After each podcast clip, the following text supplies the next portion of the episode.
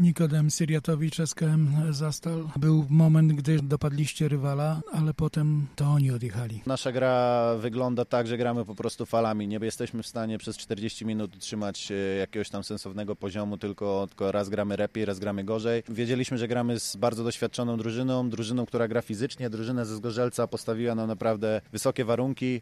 Tyle, ile mieliśmy siły i, i chęci, to, to pobroniliśmy i pobiliśmy się jak równy z równym, ale, ale ta ostatnia kwarta, czy ta ostatnia druga połowa, powiedzmy nie cała, ale w większości no po prostu opadliśmy z sił i nie daliśmy rady wytrzymać, że tak powiem, tego tempa. Piotr Bakun, szkoleniowiec z ekipy zielonogórskiej. Dobra druga kwarta, ale to troszeczkę za mało, by powalczyć z doświadczonym, silnym zespołem Turowa. Musimy znaleźć dużo większe pokłady zaangażowania i woli walki. Musimy trafiać osobiste i 16 strat powoduje, że niestety nie da się ugrać. Musimy znaleźć dużo większe pokłady agresji i zaangażowania. Kamil Zywert, Turów Zgorzelec. Podróż dla ciebie sentymentalna, bo przecież grałeś kilka sezonów w Zastalu. Zielona Góra zawsze będzie miała szczególne miejsce w moim sercu. Tutaj zresztą oprócz samej koszykówki to, to takie też życiowe rzeczy typu skończone liceum, zdane prawo jazdy, takie fajne rzeczy, które zawsze się zapamiętuje. Wasze zwycięstwo 80 do 70.